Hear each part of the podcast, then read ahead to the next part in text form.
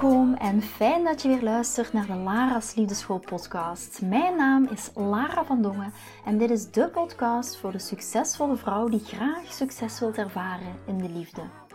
Waar ik je als prachtige vrouw wil uitdagen je hart te volgen, ook al is dat super spannend, en erop te vertrouwen dat liefde ook voor jou is weggelegd.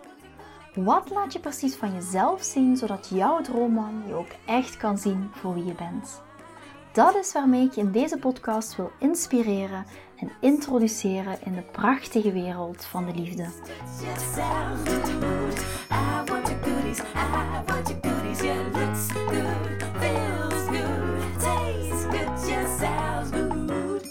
Ik ga voor deze aflevering direct met de deur in huis vallen op basis van een vraag die ik gekregen heb in mijn mailbox. En ik ga de vraag er heel eventjes bij nemen. De vraag is: ik heb een man ontmoet waar ik een aantal dates mee heb gehad, waar dat het heel goed mee klikte en wat blijkt, hij heeft een relatie en hij heeft kinderen.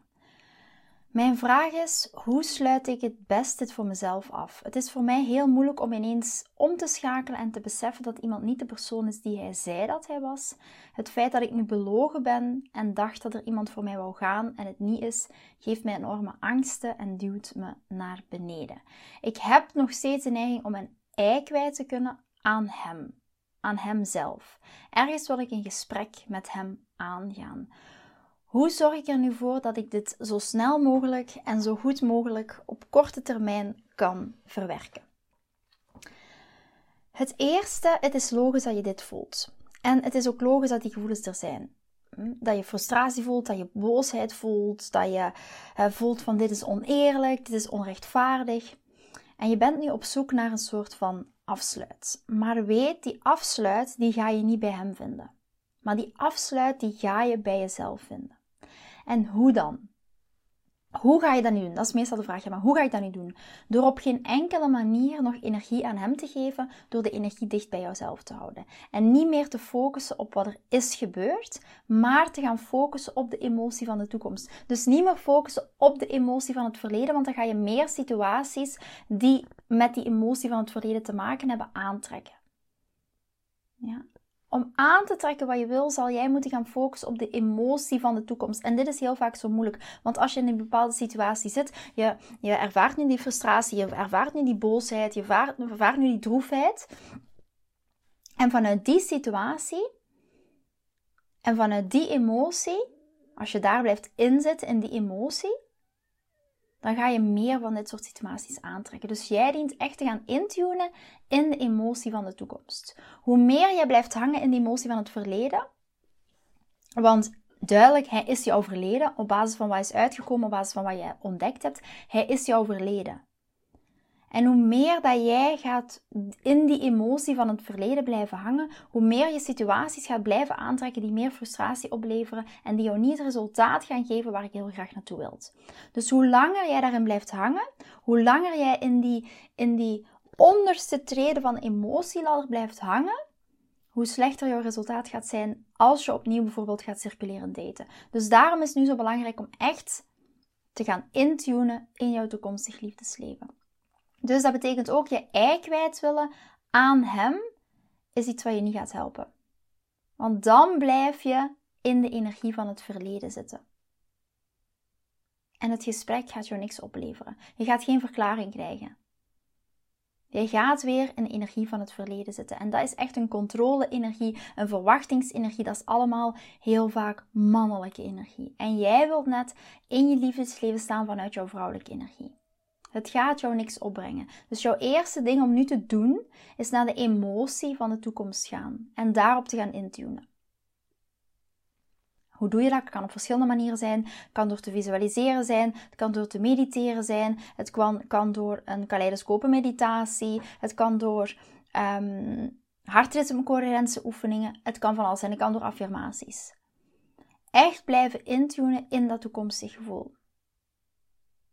Ja. En ik, zoals, ik, Zoals je mij al vaak hebt horen praten in deze podcast over soms de void, de black space, een ruimte waar niks gebeurt, waar dat je in zit waarvan je denkt van ja, het gaat niet goed, het gaat niet slecht, er gebeurt niks, het gaat soms beter, het gaat soms slechter, maar een ruimte waar dat je niet lijkt vooruit te gaan. En als je in die ruimte zit, heb je twee keuzes. Ofwel ga je blijven kiezen voor een emotie van het verleden, ofwel ga je intunen in een emotie van de toekomst. En de mensen en de dames en de heren, whatever in het algemeen, die gaan intunen in de emotie van de toekomst.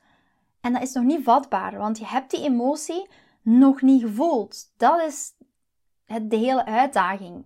Ja? Jij zit nu in het emotie van het verleden. En die kan je voelen. Dat is tastbaar. Die frustratie voel je. De boosheid voel je. De droefheid, dat voel je. Maar je wilt net gaan intunen in de emotie van de toekomst. De emotie van de toekomst gaat ervoor zorgen dat jij dingen aantrekt die ook echt bij horen. Dat jij dingen aantrekt die jou een goed gevoel gaat geven. Dat jij situaties gaat aantrekken die jou een goed gevoel gaan geven. Ja? En wat kan je doen om die energie die je naar beneden haalt, om dat los te laten? Vooral in deze concrete situatie. En hiermee bedoel ik niet, laat ons dat duidelijk zijn, dat je gevoelens eh, die je hebt, dat je die zomaar onder het tapijt schuift en die niet mag gaan doorvoelen. Ga die ook doorvoelen. Voel die emoties zoals ze zijn. En daarna kies je voor de emotie van de toekomst. En wat betreft nu jouw, jouw behoefte om je ei kwijt te kunnen. Het kan soms helpen om je gevoelens op te schrijven. Bijvoorbeeld in een dagboek. Of, um, of een brief. Zonder bijvoorbeeld de intentie om het aan deze man te sturen. Door je emoties op papier te zetten. Geef jezelf de ruimte om je gevoelens ook te uiten, om die gevoelens ook te begrijpen. En dat is wat ik bedoel, we gaan de gevoelens niet zomaar onder het tapijt wegschieten, maar hier ook weer, stel dat je een brief naar hem schrijft waar je alles in zegt, al je frustraties, al je boosheid, al je doofheid. Denk eens, kan je ook een stukje dankbaarheid in deze brief opnemen? En dat bedoel ik met intunen in de emotie van de toekomst. Waar ben je dankbaar voor in deze situatie met deze man? Net zoals bijvoorbeeld bij, bij mij. Mijn, mijn grote veranderingsmoment kwam er toen ik op een gegeven moment in Antwerpen in mijn favoriete restaurant zit, zat en ik zoiets had van, ja, ik had het gevoel, yes, dit gaat mijn man worden. Yes, dit is een fantastische man. Hij heeft alle eigenschappen die ik belangrijk vind. Die herken je waarschijnlijk wel, dat lijstje dat we allemaal in ons hoofd hebben. En wat bleek, kwam de ober naar ons toe en die zei, hey, die zei tegen mijn date, hey, super tof dat je hier bent. Hoe gaat het met je kinderen en met je vrouw? En dat was mijn transitiepunt. Ik kwam thuis, ik was droevig. Ik barstte echt letterlijk in huilen uit op mijn woonkamervloer. Hoe zielig dat dat nu ook klinkt, maar dat gebeurde echt. Ik voelde die droefheid, ik voelde die frustratie, ik voelde het allemaal. Maar ik ben deze man ook heel erg dankbaar. Want hij was mijn katalysator tot, tot het diep transformerend werk. Ja, hij was daarvoor echt mijn katalysator. En dat had ik nodig. Dus hier ook weer naar deze man toe. Hoe kan jij ervoor zorgen hoe kan jij ervoor zorgen dat wat nu gebeurd is, dat je toch die emotie, bijvoorbeeld een emotie, de emotie van dankbaarheid kan oproepen? Waarvoor ben je deze man dankbaar? Misschien heb je ook in contact met deze man nog nooit zo'n fantastisch seksleven gehad. Misschien heb je in contact met deze man nog nooit zo'n fijne emotionele connectie gevoeld. Misschien heb je in contact met deze man dingen van jezelf ontdekt die je zonder deze man nooit zou ontdekt hebben. Bepaalde patronen waar je bijvoorbeeld tegenaan loopt. Deze man is misschien de zoveelste emotioneel onbeschikbare man in de rij. Is dat misschien een inzicht die je daaruit hebt gekregen? Dus ook als je die brief, schrijft, doe het vanuit de emotie die je voelt. En als dat wil zeggen dat je hem, wijze van spreken, verrot gaat schelden, ook helemaal prima, maar neem ook een stukje dankbaarheid mee in die brief. Want dankbaarheid is ook superkrachtig als je het hebt over de wet van de aantrekkingskracht. Maar dankbaarheid is ook echt een stukje dat je gaat helpen om in te tunen in de emotie van de toekomst. Ja, de emoties mogen er zijn, de gevoelens mogen er zijn. Laat ons dat duidelijk zijn. We gaan die niet onder het tapijt wegstoppen. En om vandaar het doorvoelen vanuit die emoties weer te kiezen voor een toekomstige vibe, voor een toekomstige energie. Schrijf die brief aan hem. Alles wat je wilt zeggen, maak er dus nooit een ritueel van. Bijvoorbeeld, schrijf die brief, zet een muziekje op, verbrand die brief en als je dat gedaan hebt, dan kies je heel bewust om daar energetisch niet meer aan vast te blijven hangen.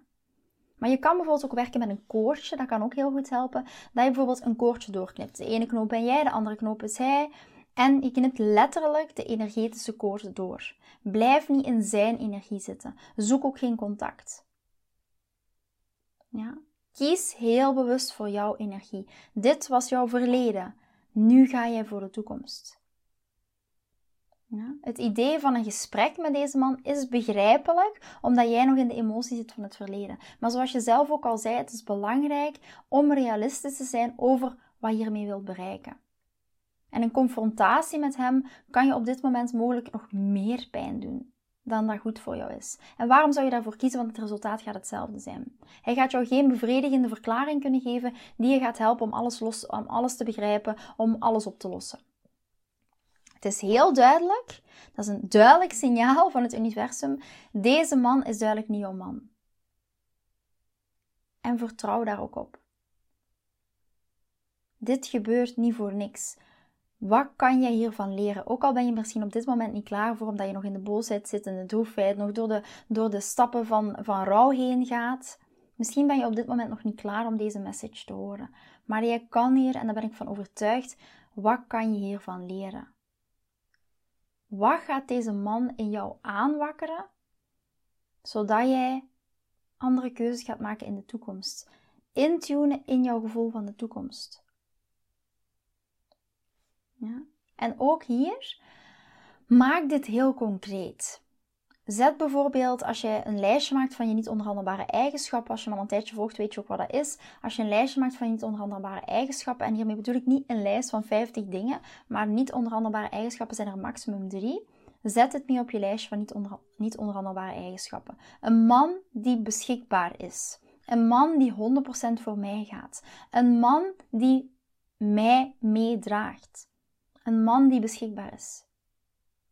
En zet dit mee op een niet onderhandelbare eigenschap. Daarmee stuur je het signaal ook naar het universum. Oké, bring it on. I'm ready.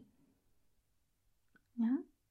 En ga daar ook op visualiseren, ga daarop invoelen, ga daarop intunen. Hoe zou het voelen om omringd te zijn met een man die 100% voor je gaat? Met een man die volledig beschikbaar is? En als je dat doet en als je letterlijk, zoals ik net zei, het koordje doorknipt, het energetische koordje doorknipt, hij staat daardoor niet meer in je deuropening. En daarvoor zet hij letterlijk de deur open voor een ander, andere gezonde mannelijke energieman die naar binnen kan komen. En hoe minder aandacht jij geeft aan deze man, aan deze emotie van het verleden, hoe meer ruimte er komt in jouw deuropening voor een mannelijke energieman die 100% voor jou gaat. Vind je deze podcast interessant en heb je na het beluisteren van deze podcast het gevoel van yes, mijn tijd is nu.